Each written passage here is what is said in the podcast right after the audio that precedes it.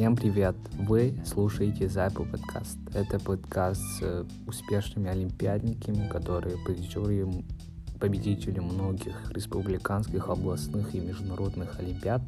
И мы с ним будем разговаривать на многие интересные темы. Всем привет, ребята! С вами снова Зайпу подкаст. И сегодня у нас в гостях Адам Тайманов – он победитель и призер многих республиканских и международных олимпиад и недавно завоевал бронзу в Айбо, Международные биологические олимпиады. Привет, Адам, как себя чувствуешь? А, привет, нормально, сам как? У меня тоже все хорошо. Давай сразу перейдем к вопросам. Угу. Первый вопрос. Адам, почему ты выбрал именно биологию? Почему так заинтересован этой наукой? А, на самом деле я не выбирал биологию. То есть я не собирался участвовать на Олимпиадах по биологии.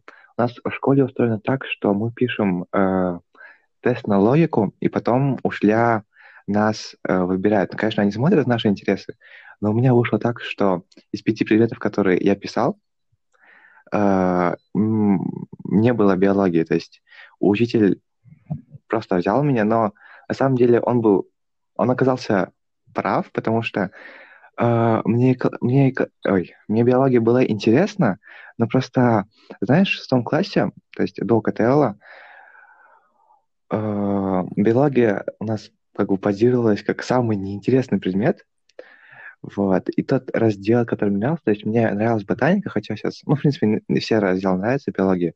Типа ботаника это было, наоборот, вот самый э, неинтереснейший раздел. То есть как-то может из-за того, что вот из-за такого влияния у меня биология стала как бы неинтересной, но на самом деле внутри она была интересна, типа внутри был интерес. И почему я так именно заинтересован?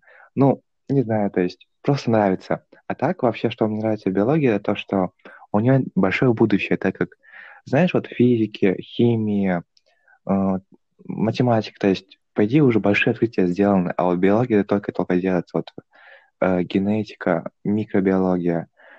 Вот. Еще еще типа стоит много таких э, важных вопросов, на которые нужно ответить. Mm-hmm. Вот. И по идее можно э, типа сделать какое-то большое открытие, то есть это не так сложно, как в других от, э, науках. То есть это тоже. Круто, круто, интересно. Следующий вопрос. Э, кроме биологии, какие еще предметы интересны? Ну, знаешь, э, по идее, мне нравится, в общем, наука, то есть, потому что это связано с инновациями, технологиями, это все, не знаю, в общем, интересно, но я их не изучаю, потому что, ну, я, мне нужно будет, мне нужно было фокусироваться на биологии только, чтобы хорошо написать олимпиаду, то есть как-то так. Э, из предметов, ну, кажется, да, только, а, ну, да, наука, э, и, может, вот что-то связанное с э, географией тоже как-то интересно. Но снова как бы я не изучал их. Ага, Окей. Многие ученики жалуются на нехватку времени. А ты все успеваешь? То есть можешь дать какие-то типс по тайм-менеджменту или как стать продуктивным? Uh, я не успеваю, то есть, кажется, это проблема у всех, типа, завышенное ожидание, все такое. А, но вот чему я научился за период да, подготовки, это вот первый совет, который я не придержался, не придержался, не придержался и потом только понял, это стабильность. То есть, э, мне кажется, у всех будет какой-то период, когда, к примеру, там нужно там сдать SAT или IELTS, э, и там они вот берут там на полгода перерыв, да, потом, хотя если ну, возьмем то, что они берут перерыв в 10 классе, но хотят заниматься активно олимпиадами в 11 да, и э, когда они уже вот сдали IELTS и SAT, они понимают то, что они много чего забыли и просто потеряли форму, и им просто приходится заново все учить, и это э, из-за этого они теряют очень много времени. Да, поэтому э, лучше там начать подготовку IELTS и таким экзаменом раньше, но вот как-то совмещать это все. То есть это, по идее, не трудно. То есть один Олимпиада, другой день тест, э, точнее, IELTS, третий там SAT, и вот так меняется. Или там в течение дня можно делать. На самом деле это можно успеть, типа, ничего с вами плохого не случится, если этого сделаете. Просто вот реально стабильность поможет э, везде м- преуспеть. Просто если делать такие вот э, паузы, то да, теряешь форму, это э, такой большой минус. Из советов еще, но э, знаешь, да, отдыхать нужно, правильно. То есть, как бы, по идее, тайм-менеджмент как раз учиться делать каждый свой час или там каждый свой день э, ценнее, то есть more valuable для тебя. И как бы сразу, то есть у новичков появляется такое ощущение, то, что больше чалишь, э, больше учишься, э, продуктивнее будешь. Но как бы мы люди, это невозможно. Э, и как бы реально не хотелось, то есть я всегда думал то, что э, то, что вот смогу это, типа, как можно больше чалить, но никогда не получалось это. То есть все это заканчивалось, знаешь, э, как-то выгораниями, э, но и потом как бы еще что-то, то есть, знаешь, типа мини-депрессняка было, но это потом расскажу. А, то есть все равно вот отдых нужно делать таким образом. Я его подразделяю типа на две части, на два типа. Один из них refreshment, другой э, reward. То есть, ну, refreshment это когда ты набираешь сил, то есть если как бы у вас основное задание это учи, обучение, то нужно отдыхать активно, то есть там гулять или там встречаться с друзьями, вот, играть в футбол, вот в таком духе.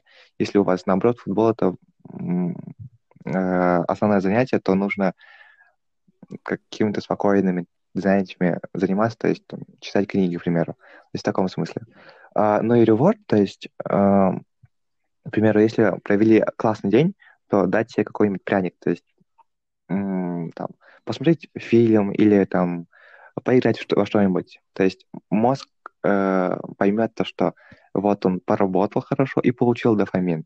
Да, таким образом не появляется хорошо провести э, следующий день, чтобы тоже получить дофамин. То есть у нас мозг таким образом работает. И по идее, когда спрашивают советах, типа думают, что вот я тоже, короче, э, всегда этим советом пользуюсь, да, и, короче, у меня классно проходит. На самом деле нет. Типа, как бы я ни старался, э, тоже у меня много таких ошибок, да, и, типа, часто бывают дни непродуктивные. Но тут, знаешь, нужно самое главное, то есть поверх всех этих советов по тайм-менеджменту нужно знать одну вещь.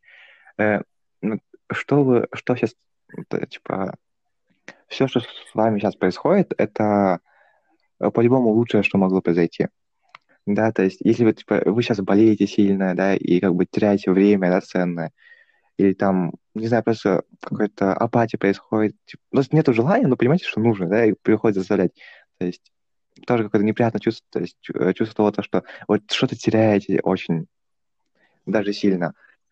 А, то есть, как бы, у меня тоже такое было, и тут реально важно понимать, что это, да, это со всеми происходит, да, раз. И второе, ну, раз это уже прошло, типа, с этим ничего не поделаешь. Вот, то есть нужно просто как бы пережить это, что ли. Э, и то есть начнете к этому спокойно относиться, то реально будет намного меньше стресса. И когда меньше стресса, типа, все намного лучше идет. Это вот такой совет, который я тоже вот с опытом понял. Угу, интересно, интересно. Кстати, я слежу за твоим телеграм-каналом, прям очень угу. крутые вещи пишешь. Вот всем советую подписаться, если что. Окей, следующий вопрос. С какими трудностями э, тебе пришлось столкнуться для достижения цели? Ну, то есть э, получить медаль в Вайбо. Хорошо. А, ну вот как раз э, в девятом, девятом, восьмом, седьмом классе а, по идее, Олимпиада была моим смыслом жизни. То есть э, готовишься, там, смотришь на баллы других, мотивируешься, короче, дальше готовишься. То есть, знаешь, э, это было как-то играючи, что ли, то есть было весело. Потом там, как, э, там с одноклассниками какие-то активити. То есть примерно так проходила моя жизнь э, вот три года. Но в десятом классе, знаешь, э, пришло такое осознание, что есть больше проблем, то есть может из того, что нужно было готовиться уже к универу, то есть реально э, Олимпиада, типа, это не единственное, что в жизни есть. Тогда вот начинается вот проблема с тем, то, что э, перегораешь часто, потом слишком много от тебя требуешь, из-за этого какой-то... Начинаешь себя сравнивать, то есть, э, по идее, сравнивание с другим у меня доходило до абсурда, то есть, если смотреть со стороны, то подумаешь, типа, как это вообще можно сравнивать? Но у меня было такое то, что я брал сильные стороны, как, ну, там, друзей, да, и говорил то, что вот у меня их нет, я поэтому, короче, плохой человек, к примеру. Э, и тут, то есть, как я с этим справился, по идее, я пытался найти тактику, то есть каждый раз, когда мне такое происходило, я пытался понять, каким образом я из этого выхожу.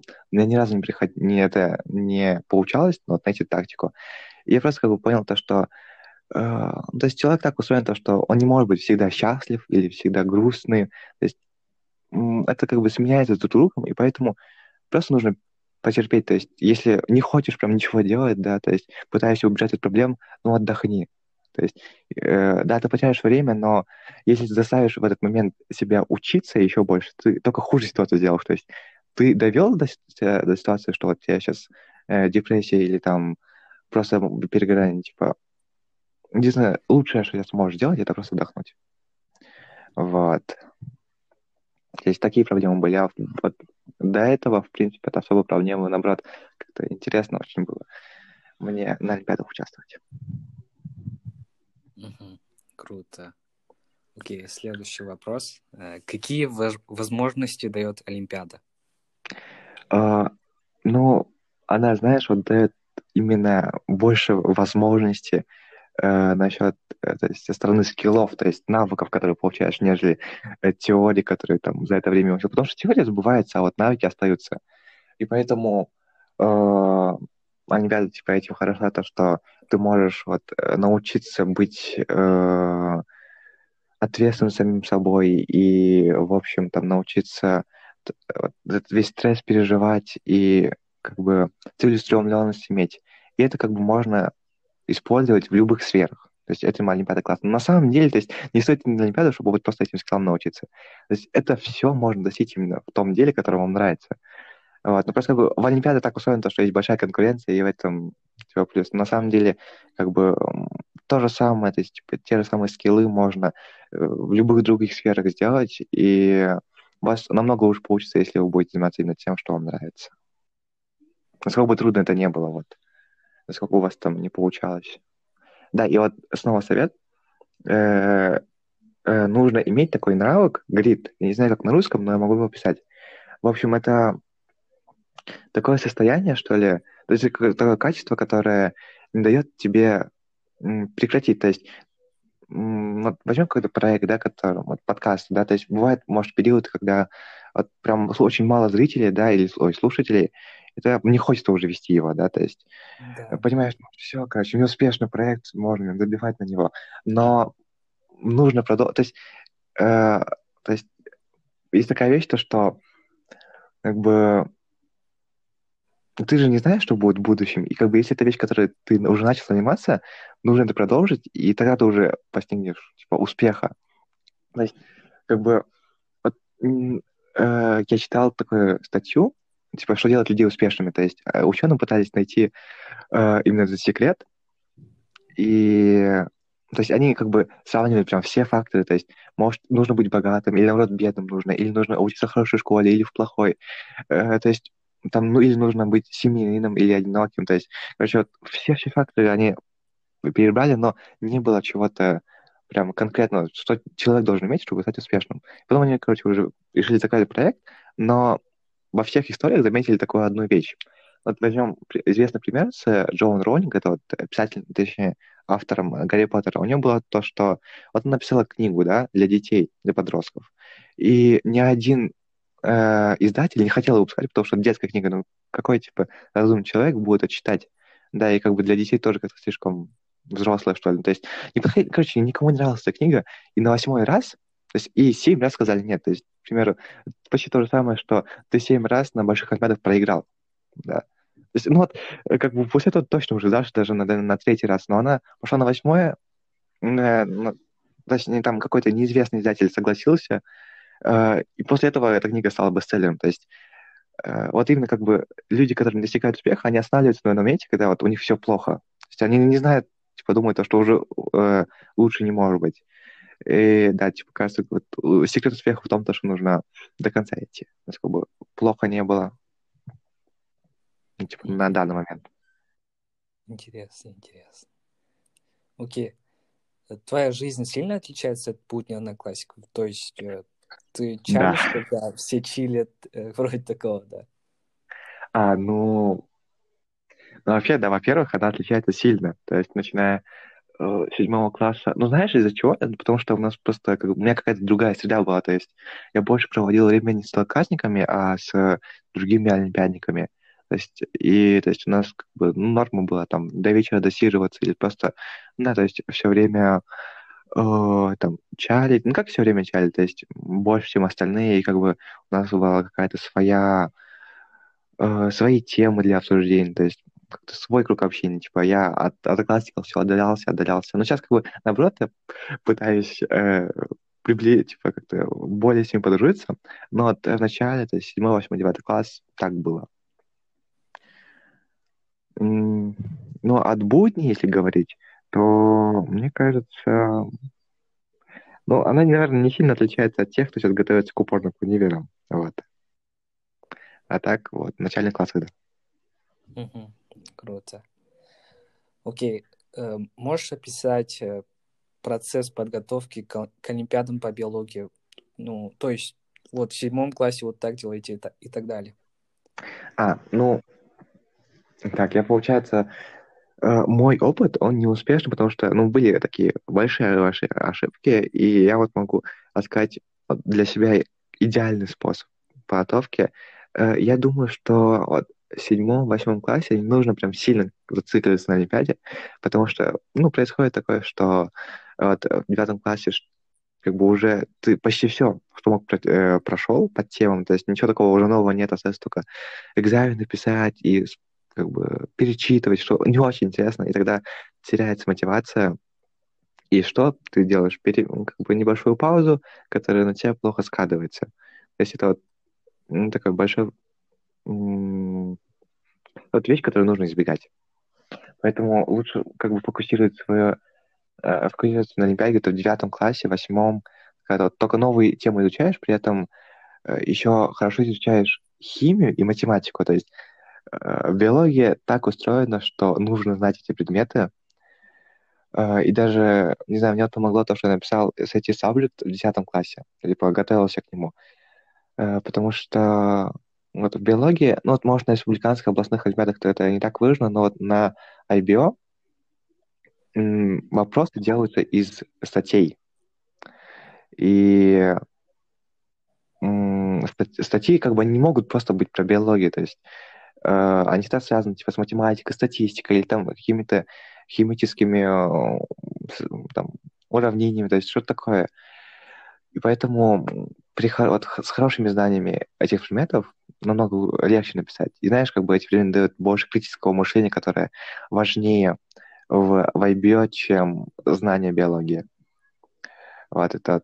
Э, и таким образом подготовка должна проходить таким образом начинать, нужно начинать с какой-то базы, то есть какую-то базу уже взять, то есть можно на русском прочитать какие-то э, книги, там, 10-11 класс, то есть как-то вот так начать, но потом максимально быстро перейти к Кэмпбелл, это вот книга на английском, такая тысяча, тысяча страниц, но она очень интересная, на самом деле. Она очень удобно написана, э, и на английском нужно учиться потому, потому что материал лучше, то есть тот же IVO, он на английском лучше переведен, чем на... То есть Э, он ставлен на английском, и перевод на русский делает его хуже. То есть люди там могут ошибиться при переводе. При переводе и э, плохо доносит мысль, мысль.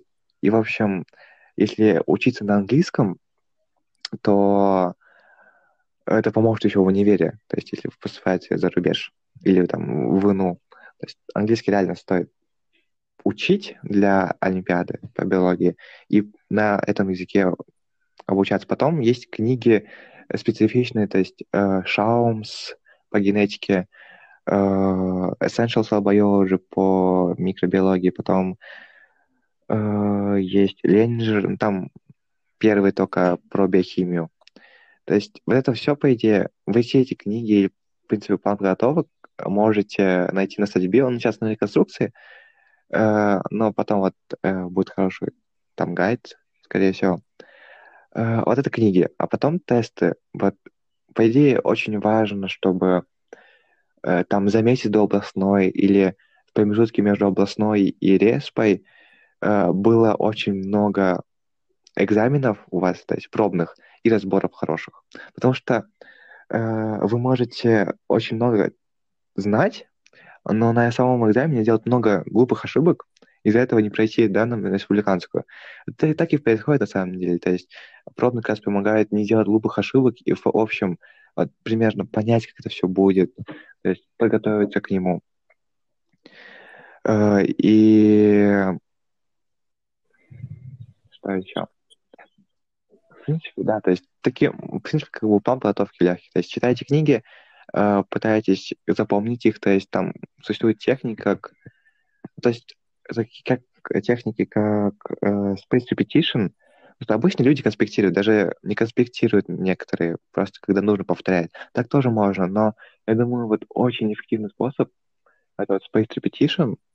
Э, вы можете в интернете найти его, прям хорошо изучить. Э, как бы, если смотреть э, за там, несколько лет вашей учебы, то есть если вы будете использовать Space Repetition, то меньше уйдет времени на запоминание. Ну, то есть вот так. Но ее немного сложно использовать. Вот, вот. То есть непривычно очень. Ну, да, в принципе, такой план подготовки.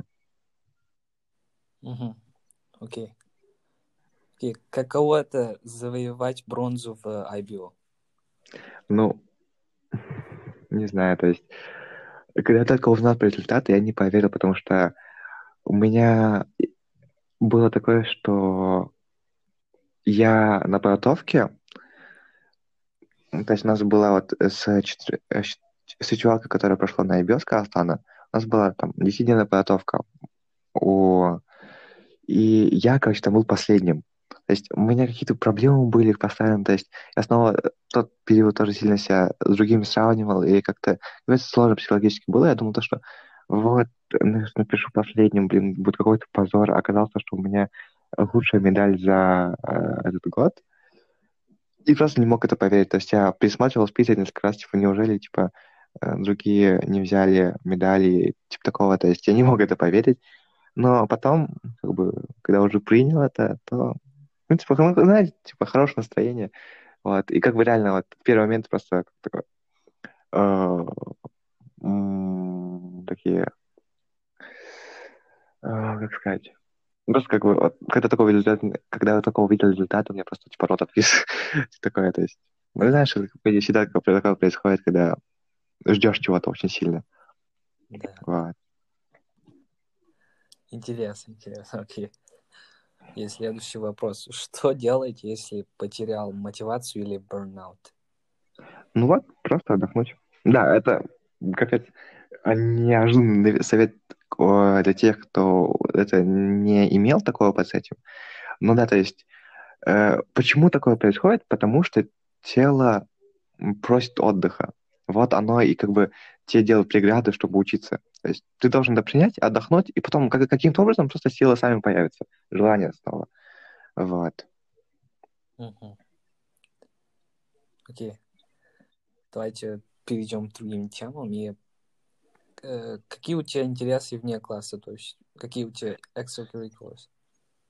А, ну, мне нравится тема экологии, и я вот недавно, типа, тему образования, ну, насчет, типа, образования вообще ничего не делаю, но вот насчет экологии, типа, я uh, руковожу проектом Turtles, мы изначально делали клубы, вот в прошлом году в девятом, когда я был в девятом, ой, когда я был в десятом классе, uh, но потом клубы из-за карантина закрылись, и мы сейчас, типа, делаем онлайн-проекты, вот. Прямо сейчас работаем над Олимпиадой.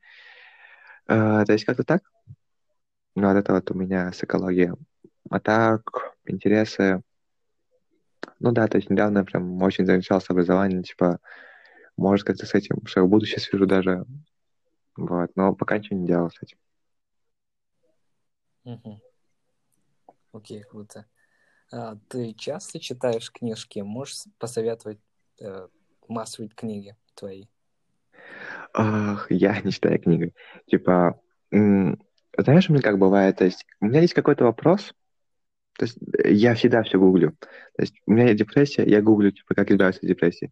Uh, у меня что-то не получается, я всегда это гуглю. То есть это такое, моя черта, на самом деле, это неплохая, не хорошая, но вместо того, чтобы читать книги, я просто ищу статьи, и так нахожу свои ответы. Но пойди, как бы хочу начать читать книги, но постоянно, короче, откладываю. А так, да, типа, списка книг у меня нету. Окей, окей. А, ты в этом году заканчиваешь школу, и куда хочешь поступать? Ну, в университет? Да, вот уже нужно. Ну, вот, если поступать за рубеж, и как бы уже вот скоро нужно подавать, э, я, собираюсь, я вот постараюсь поступить в хорошие американские университеты, и даже если не поступлю, я возьму гапьер, да, может, я, там в ИНУ пойду или там просто, короче, никуда, никуда не буду идти, попробую, попробую еще раз поступить. И почему для меня так важно поступить в американские университеты хорошие? Потому что, ну, это будет большим скачком. То есть э, это как бы лучшие универы мира почти. Э, да, это есть лучший универ. И означает то, что там невероятно крутые возможности. То есть вот, как бы там можно делать то, что мы вообще сейчас не представляем возможным. И еще это э, крутые связи, то есть твои там твой друг может оказаться, типа, будущим миллионером, типа такого. Ну, как бы, в принципе, ты тоже можешь, но, э, э, то есть, такие друзья у тебя будут. И, в принципе, ты такая среда, типа, таких успешных людей, и тоже, как бы, а что ты от этого перенимаешь, вот, и тоже это на тебя хорошо повлияет. Я, в принципе, думаю, типа, год можно, и, э, короче, потратить на это, чтобы сейчас поступить туда. Окей. Okay. Э, можешь рассказать о мейджорах или майнерах, которых собираешь брать в универе? А, ну, у нас с этим такая интересная ситуация, потому что я над этим думал где-то в девятом классе, но потом, короче, решил так, э, не буду над этим морочиться, главное, поступлю в универ, а потом уже э, в первом году обучения, типа, все буду пробовать, и решу вот ко второму году. Там реально так и работает, то есть нужно выбирать э, свои мейджоры и майнеры вот во втором курсе или даже третьем. То есть я так собираюсь делать, потому что, ну, там реально как бы э, вот в универе уже ты сможешь попробовать все, что захочешь, э, и пока, типа, можно не морочить над этим голову. Угу. Окей. Э, какие планы после бакалавра? Ах, ну, блин, по идее, не знаю, но я э, вот знаешь, как бы не хочу работать больше специалистом, а вот заняться каким-то своим делом и не то, что как бы бизнесом, который тебе зарабатывает деньги, а вот сделать какой-то импакт, то есть как бы э, да, что-то значимое сделать и как бы прибыльное, да, то есть как-то так. Потому что у меня есть такое качество какого-то, не знаю, ченджмейкера, что ли, то есть ну, это как бы не означает то, что глобальный всегда уровень, типа, в любом случае, то есть я, я вижу проблему, да, и если я могу что-то сделать, попытаюсь, типа, придумать решение и использовать его. То есть у меня такое качество есть. Окей. А, какие советы ты бы дал младшим или, например, восьмикласснику Адаму? Ну, если восьмикласснику мне, да, то ничего, типа, потому что я реально думаю, то, что как бы все, все, что не случается к лучшему, и э, значит, так и нужно было. А так, э, младшеклассникам, ну, нужно реально выбрать то, что вам нравится. Э, потому что, то есть, насколько бы это не было бы развито там в вашей школе или какие бы у вас там не были преграды, то нужно все равно как бы выбрать, найти это. Ну, я думаю, найти это легко, то есть, реально то, что вам нравится. А, и заниматься этим. То есть, например, в обычных школах там Олимпиада не сильно так развита, но если есть большой интерес, всегда можете найти там с этих школ, которые хорошо развита э, Олимпиада, друзей, да, то есть не будут же от вас люди убегать. Кого-нибудь вы найдете, с кем-то подружитесь. И вот, то есть так вместе идти по олимпиадной карьере, наверное. Uh, или наоборот, типа, вот в нашей школе, то есть, почти только Олимпиада почти раз, типа, нету проектов, и означает, не означает то, что, как бы, этим, uh, то есть, у вас проект не выйдет, да, типа такого. э, всегда можно тоже найти людей, которые, то есть в Казахстане, которые занимаются и тоже как бы с ними идти. То есть нету преград заниматься вашим любым делом. Это нужно понимать. Угу. Окей. Окей, последний вопрос. Э, как ты видишь себя через 10 лет или, не знаю, 15 лет? Uh, ну вот, да, по идее, uh, занимаешься типа там SEO какой-нибудь, каким-нибудь организацией, которая вот, занимается, ну, может, или в сфере science, или образования. Uh-huh. А насчет Казахстана, типа не Казахстан, ну, скорее всего, Казахстан. Типа, я тоже думал над этим вопросом, то есть Uh, вообще классно же, то есть работать где-то за рубежом, но у меня реально большое-большое такое нежелание там всю жизнь жить, то есть как-то уже привязался к Казахстану, что ли. То есть такое есть.